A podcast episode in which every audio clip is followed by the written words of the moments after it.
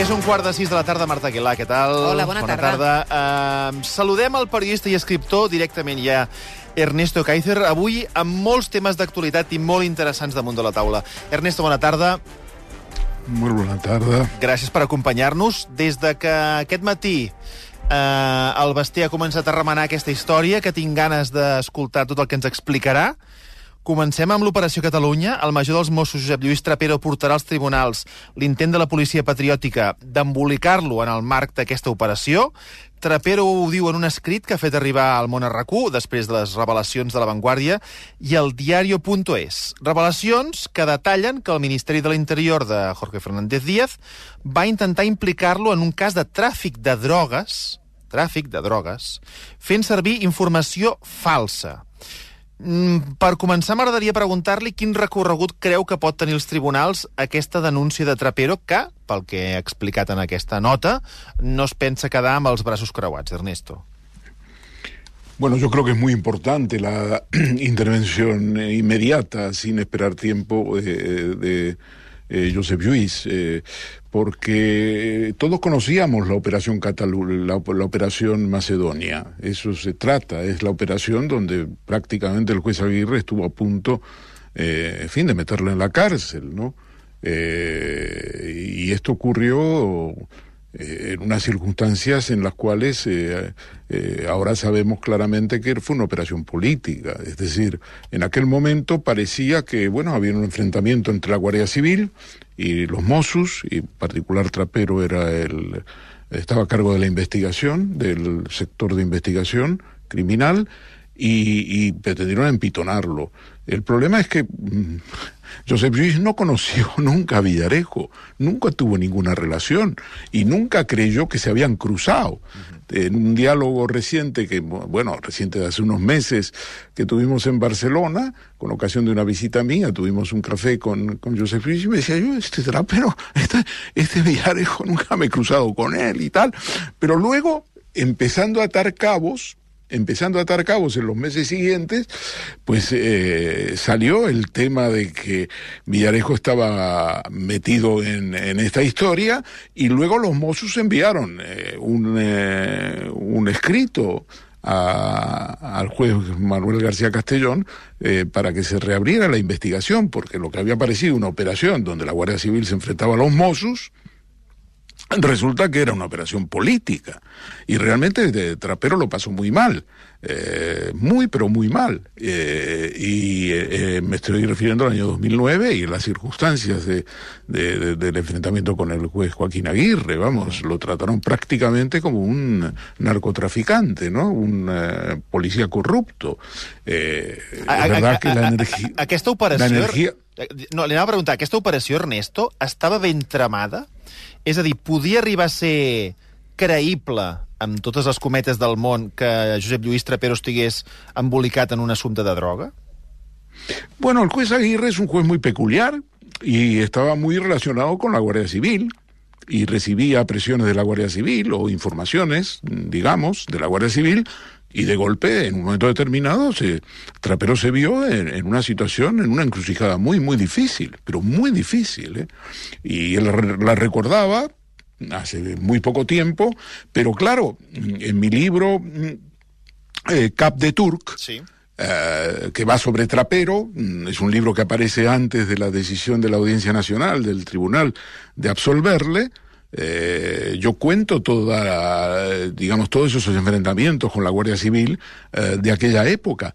Pero lo que no sabíamos entonces, y ahora sí sabemos, es que esto fue un montaje. Esta es la palabra. Esto fue un montaje.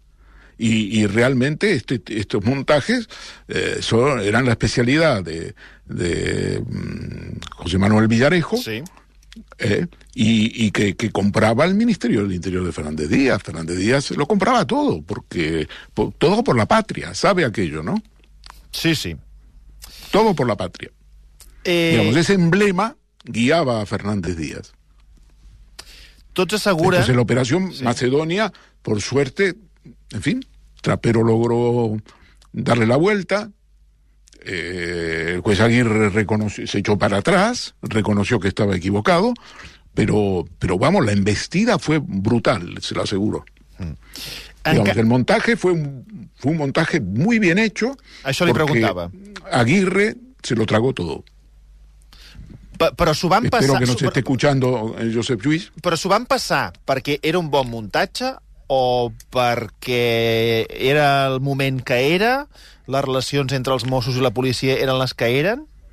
Claro, hay que, hay que, hay que hablar del contexto. Está bien, eh, está bien lo que dice en este momento. Hay que conocer el contexto.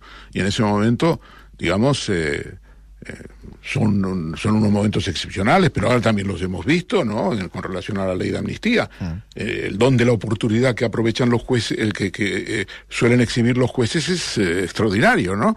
Eh, Aguirre en aquel momento y ahora Manuel García Castellón con el tema del terrorismo y la y el y el síncope o infarto que le dio a este ciudadano francés en, eh, A l'aeroport. en el aeropuerto del sí. Prat, ¿no? En Però- el 19. En canvi, qui ha descartat denunciar les noves revelacions sobre l'Operació Catalunya és Artur Mas, que diu que ja n'ha tingut prou. Eh, Mas confia que la comissió d'investigació del Congrés serveixi per treure alguna cosa clara. No sé si vostè és de la mateixa opinió. No, yo no confío nada, yo Va, no confío nada. Me, extraña que Arturo Mas confíe a clarísimo. esta altura del partido. Es una persona mayor, ¿no? Que haya tenido varias experiencias. Yo no confío nada porque eh, si hubiera un juez de, de verdad independiente que quisiera hacer una carrera de verdad en este país, con todo el material que hemos estado aportando durante años y el nuevo que, que ahora se está aportando a través de la vanguardia eh, y el diario, eh, el material es ingente.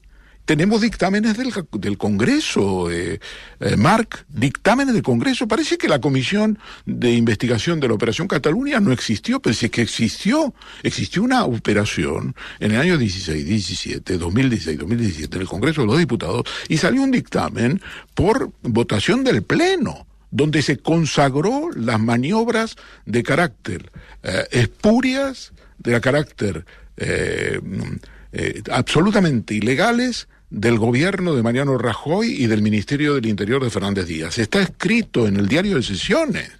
Hay una resolución. Todo eso está comprobado. Y sin embargo no ha habido ningún tipo de, investigación real. Dos elementos hay que señalar. Un juez que abrió hace poco en relación a Sandro Rossi una investigación que no ha ido a ninguna parte.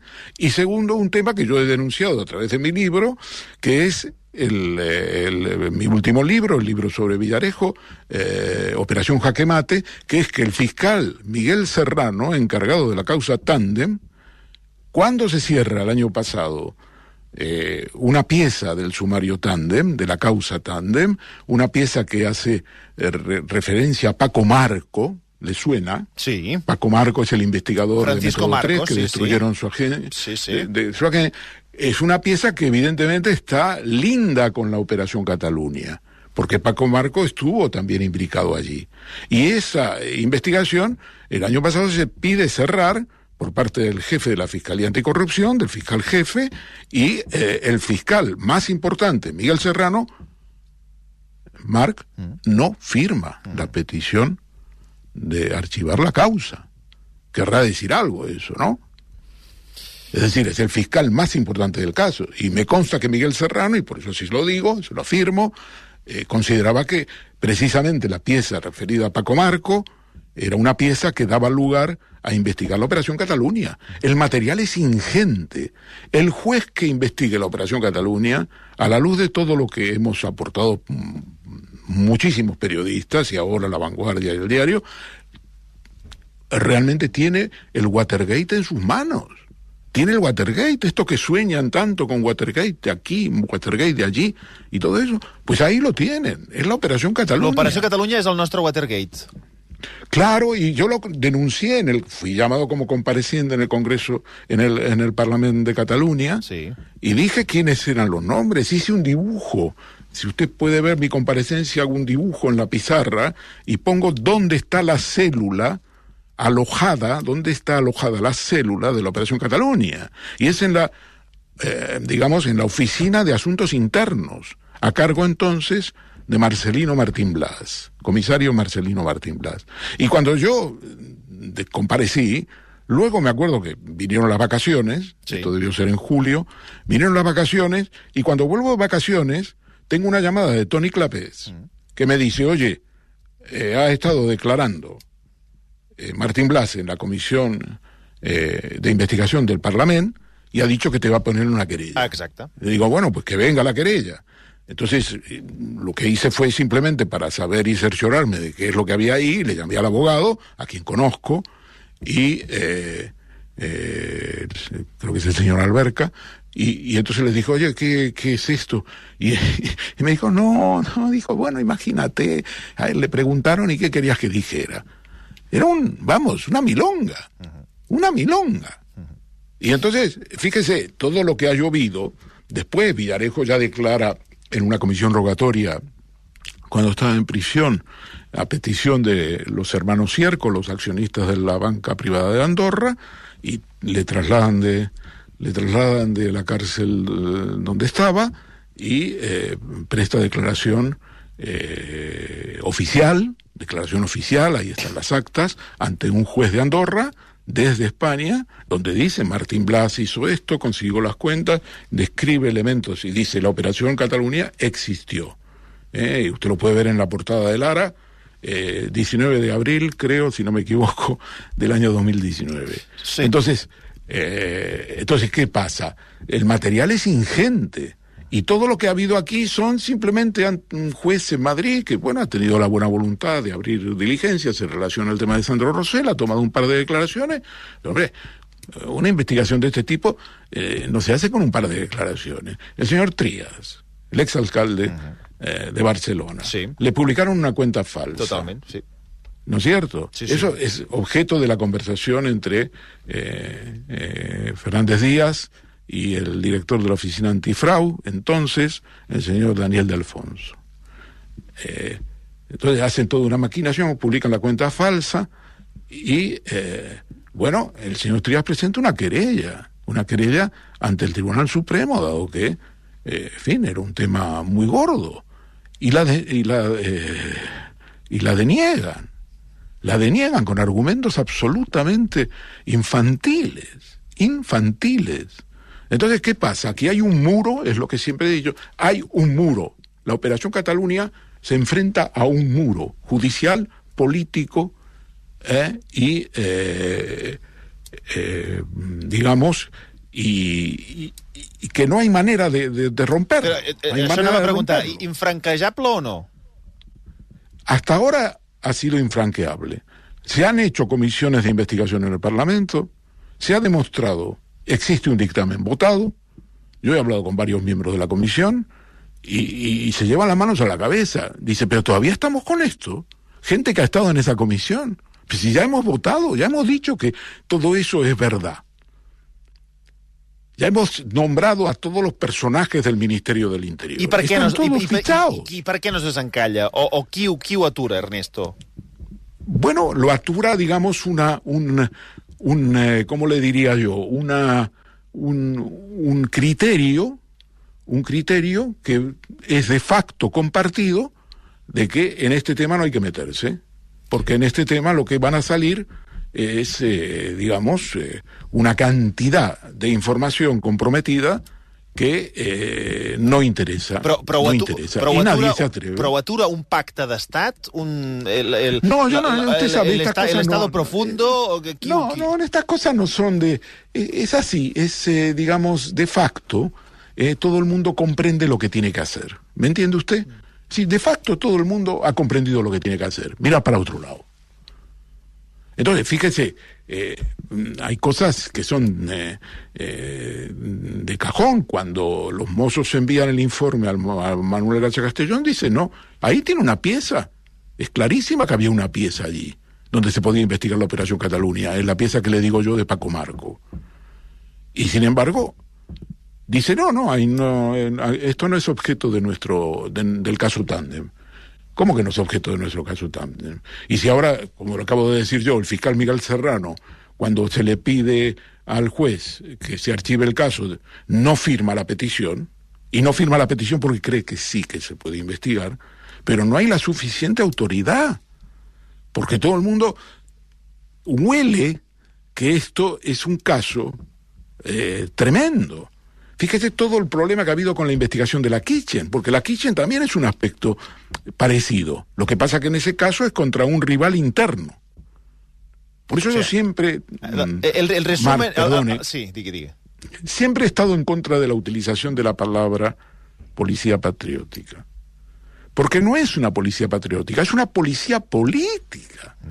Quiero decir, es una, es una política contra el independentismo catalán, contra los empresarios que se cree que ayudan al independentismo catalán, contra los adversarios internos del PP, contra los rivales políticos. Es decir, es muy serio. Es convertir a la Policía Nacional y a los organismos de seguridad en una rama del Partido Popular.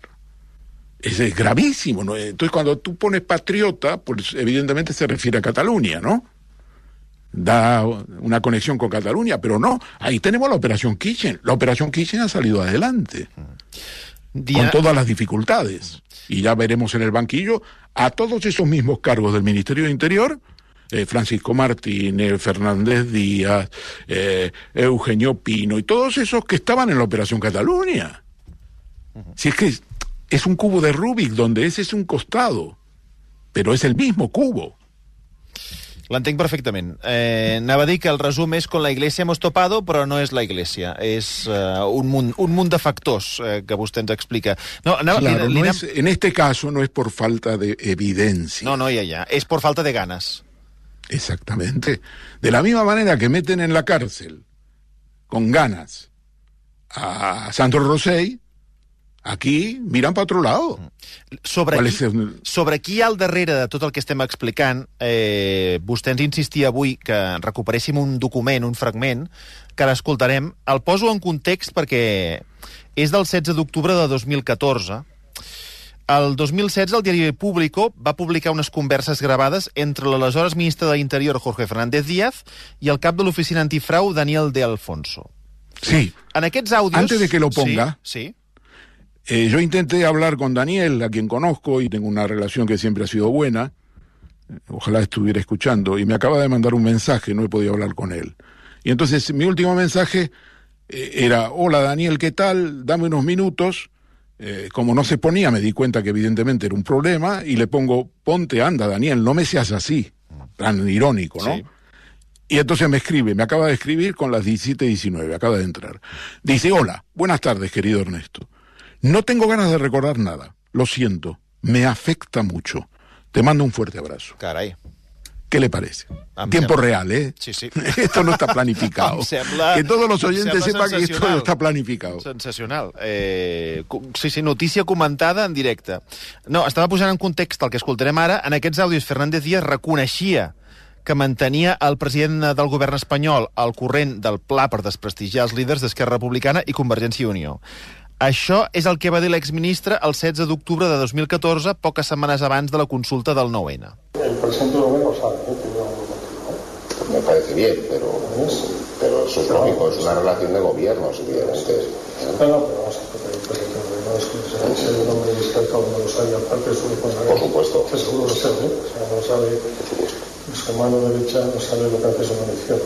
Yo, yo, yo, yo lo conozco hace muchos años. Com que s'entén amb dificultat, ja us ho explico jo. Uh, Jorge Fernández Díaz comença dient el presidente del gobierno lo sabe, Eh, Daniel uh, de Alfonso diu, me parece bien, pero es lógico, es una relación de gobierno. Y Daniel de Alfonso, perdón, Jorge Fernández Díaz diu, Ya se lo dije a él, es un hombre discreto donde los haya, por supuesto, su mano derecha no sabe lo que hace su mano izquierda. Yo le conozco muy bien de muchos años, llevo trabajando y colaborando con él desde febrero del 91 ininterrumpidamente, y te puedo asegurar que es un hombre la discreción personificada. Això era aquesta conversa per entendre millor qui hi havia al darrere o, o qui hi ha al darrere de tota aquesta operació a Catalunya. No sé si vol fer algun comentari, això d'Ernesto. Sí, claro. Eh, yo creo que aquí está la clave, eh, aquí está la clave de todo. Es decir, eh, lo que viene a decir después de, do, digamos, en una primera conversación que tiene lugar el, el 2 de el 2 de octubre del 2014, eh, Fernández Díaz termina, creo que hacia el final de la conversación, le, le dice a Alfonso, ya de mucha confianza, eh, le dice, oye Daniel, eh, mm, te imaginarás a quién voy a informar de esto. Él es una persona muy discreta. Y dice, sí, sí, claro. Y eso queda así. Ahí no dice nada de presidente de gobierno. Estem parlant, Però és, és l'època Rajoy, eh? ho dic perquè els oients, els sí. que s'hagin perdut, som a l'època Rajoy. Sí, estamos hablando dos, eh, la primera reunión es el 2 de octubre del 2014 y la segunda reunión 14 días después, Mandat Rajoy. 16 de octubre. Mm. ¿eh? Y ya en esa reunión ya dice lo que eh, acabamos de escuchar donde eh, él desarrolla, eh, que se lo ha dicho al presidente de gobierno, habla del presidente de gobierno eh, y explica por qué. Y explica su larga relación con Rajoy que viene del año 2000, de, de 1991, donde compartieron eh, en distintas posiciones, eh, Rajoy en Pontevedra, él en Cataluña, en distintas actividades del Partido Popular eh, y al final como de alguna manera salieron adelante, es el Partido Popular de Aznar y todo. Y él reivindica todo eso. Es una larga perorata que es interesante porque revela por qué razón él se lo dice al presidente de gobierno, en confianza total, las maniobras que se están haciendo y que se han comentado en las dos reuniones. En otros términos, es que Rajoy lo sabe. Es una confesión de parte esto, eh, em, eh, Marc. Sí. Es una confesión de parte. Entonces, si es efectivamente como dice Fernández Díaz, se lo confía a Alfonso y Alfonso ahora no quiere recordarlo, según hemos visto la nota que me ha mandado. Le duele, le duele. Le duele y lo dice. ¿eh? Si eso es así, ¿cómo no le voy a mandar otros informes eh, de Villarejo o de procedentes de la, de la Unidad de Asuntos Internos. Esta es la misma bilonga, porque es el mismo tema. Estamos en el año 14, estamos en el año eh, eh, de, de, los movimientos, donde sale la famosa, eh, el famoso informe apócrifo falso que nunca ha sido eh, contrastado de la UDEF, que no es un informe de la UDEF, donde se imputa a Artur Mas y, y a Jordi Pujol, cuen, eh, Jordi Pujol y Soleil cuentas en, en, Sí. en, eh, en el extranjero, en Liechtenstein y en Suiza, ¿eh? y esas cuentas no existieron, no existieron. Yo- No existieron. Otras, otro, hubo otras cuentas de la familia Pujol, pero no de, Jordi, de Jordi Soleil Pujol, padre. Tenía una cuenta en Andorra, eso sí. Y eso es así y tiene que ver con la historia que ya conocemos. Jo només li volia Però preguntar eh, Sí. si, si... Ja sé que és una pregunta molt complicada, eh? Però vostè quin tant per cent considera que sabia el president Mariano Rajoy de l'Operació Catalunya? Yo creo que estaba perfectamente al corriente. Un 100%. Villarejo en la entrevista que le hicimos en el periódico, cuando Albert Saiz, el director del periódico, junto conmigo, en, en el hotel allí, en, eh, en Sanz, en el Hotel Barceló, le preguntó, ¿dónde es original? Lo dice, es- el impulso viene de Rajoy. Es decir, ellos consideraban de que España se iba a pique. Consideraban que España era un Titanic que había topado con un ice, con un iceberg. Ese iceberg era in- la Cataluña independentista, el crecimiento del independentismo. Y entonces consideraron de que tenían que utilizar todos los métodos posibles para dividir, para desprestigiar al independentismo. Es decir, eh, una campaña. Y para eso utilizaron todas las fuerzas de seguridad. Y se juramentaron entre ellos. Nunca vamos a reconocer esto. Y Fernández Díaz lo ha dicho en muchas ocasiones. Nunca vamos a reconocerlo. Nunca vamos a reconocerlo. Esas cosas no se reconocen. Nadie ha reconocido el GAL. ¿O sí? Pero existió. ¿O no existió? Pero no se reconoce. Y aunque te metan en la cárcel a Barrio Nuevo Ibera, no lo reconoces. No lo reconoces. Y el, el señor Fernández Díaz, en ese sentido, mantendrá esa posición, mantendrá esa posición contra todas las evidencias. El audio que hemos escuchado ahora es definitivo, es incrimina, autoincriminatorio. Dice que el presidente de gobierno lo sabe, que él se lo ha dicho. I en que el audio primero dice que se lo va a decir. Y que es muy Pero discreto. qué interesante. ¿eh? I que és muy discreto.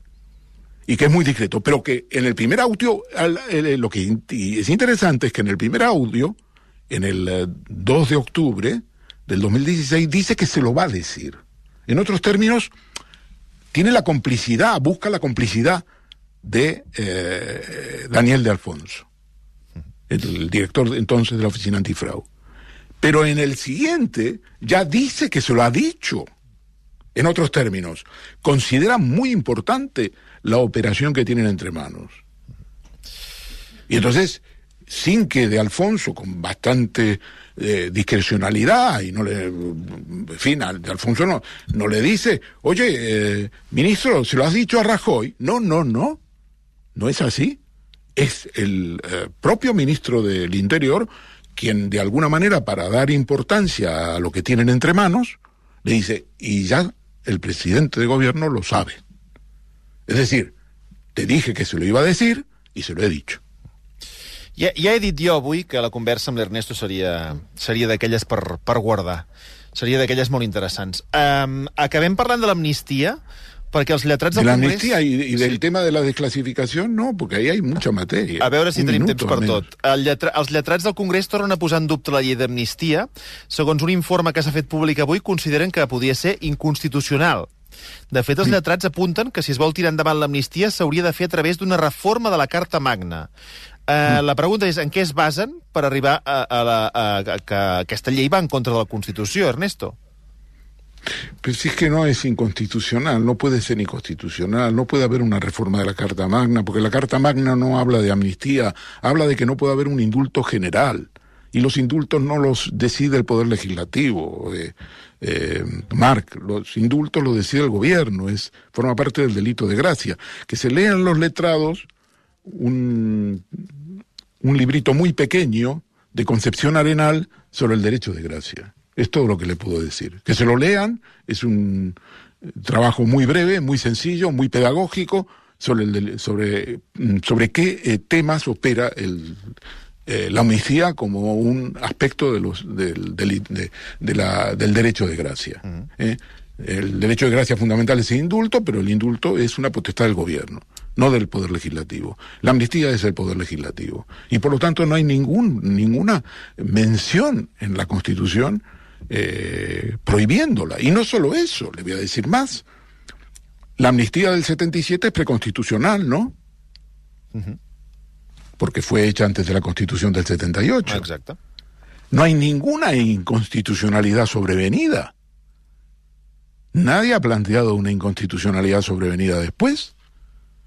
Es decir, aunque es preconstitucional, de facto se asume que es constitucional, porque nadie ha planteado después de la Constitución, oiga, aquí puede haber una inconstitucionalidad sobrevenida, porque eso se hizo antes de la Constitución, y la Constitución no lo plantea, efectivamente no lo plantea, eso es así, pero eso también es cierto que no la prohíbe. Y por tanto, los letrados dirán lo que te digan. Mire, para mí dentro de dos años, Sí? esto es una nota a pie de página. Ja. Es decir, tendremos la ley de amnistía en el BOE, probablemente en abril, por ejemplo, ¿no? Llegará el tribunal en abril, estará en el BOE y los jueces empezarán a plantearlo. Algunos plantearán alguna cuestión de, inconstituciona- de inconstitucionalidad, Sí. otros plantearán alguna cuestión ante el Tribunal de Justicia de la Unión Europea, ¿eh? y ya está. Quiero decir, ya está en el sentido de que, bueno, eso interrumpe el procedimiento, pero no quiere decir que se puedan adoptar medidas cautelares contra los beneficiarios de la ley de amnistía. Per no tant, sé si sí, sí, lo hemos hablado. Sí, entenc el que vol dir, però per tant vostè vol dir que s'aplicaria auto, uh, automàticament? És a dir, que estem parlant que els exiliats a abril podien estar aquí? Una vez que la ley de amnistía está en el boletín oficial del Estado, pueden estar aquí. Ya está. Quiero decir, otra cosa es que no se le conceda la amnistía inmediatamente. Todo lo que puede hacer la derecha en este país, tanto política como judicial, es esto, retrasar la aplicación de la ley de amnistía. Pero retrasar la mm, aplicación de la ley de amnistía no es más que hacer ruido para sus campañas electorales, ahora en, Galicia, luego en el País Vasco y luego las europeas, luego en las catalanas y así de seguido.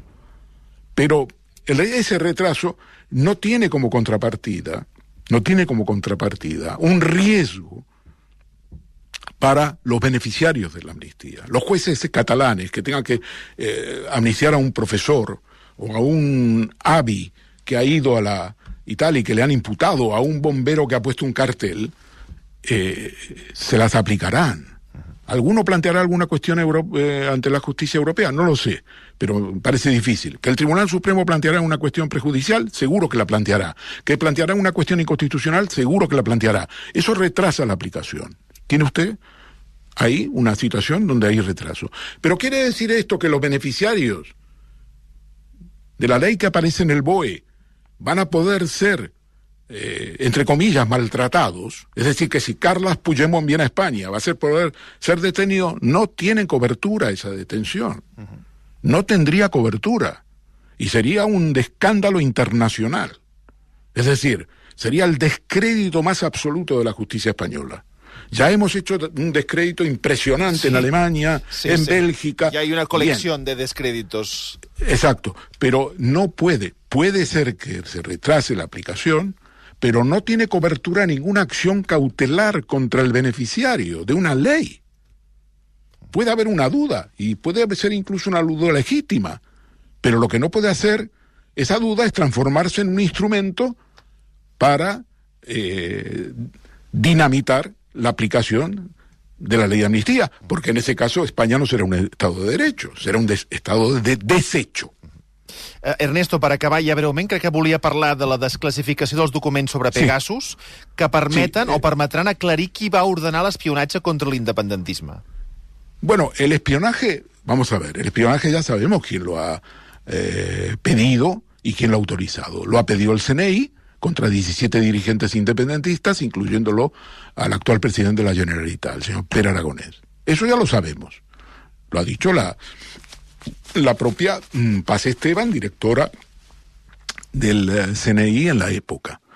Eh, eso lo sabemos. Segundo, ya sabemos que se ha hecho una parte de las eh, escuchas con Pegasus, en el caso de los de, de Sergi Sabria de, y de otros dos dirigentes independentistas. Uno, la diputada europea, arriba, y, un tercero.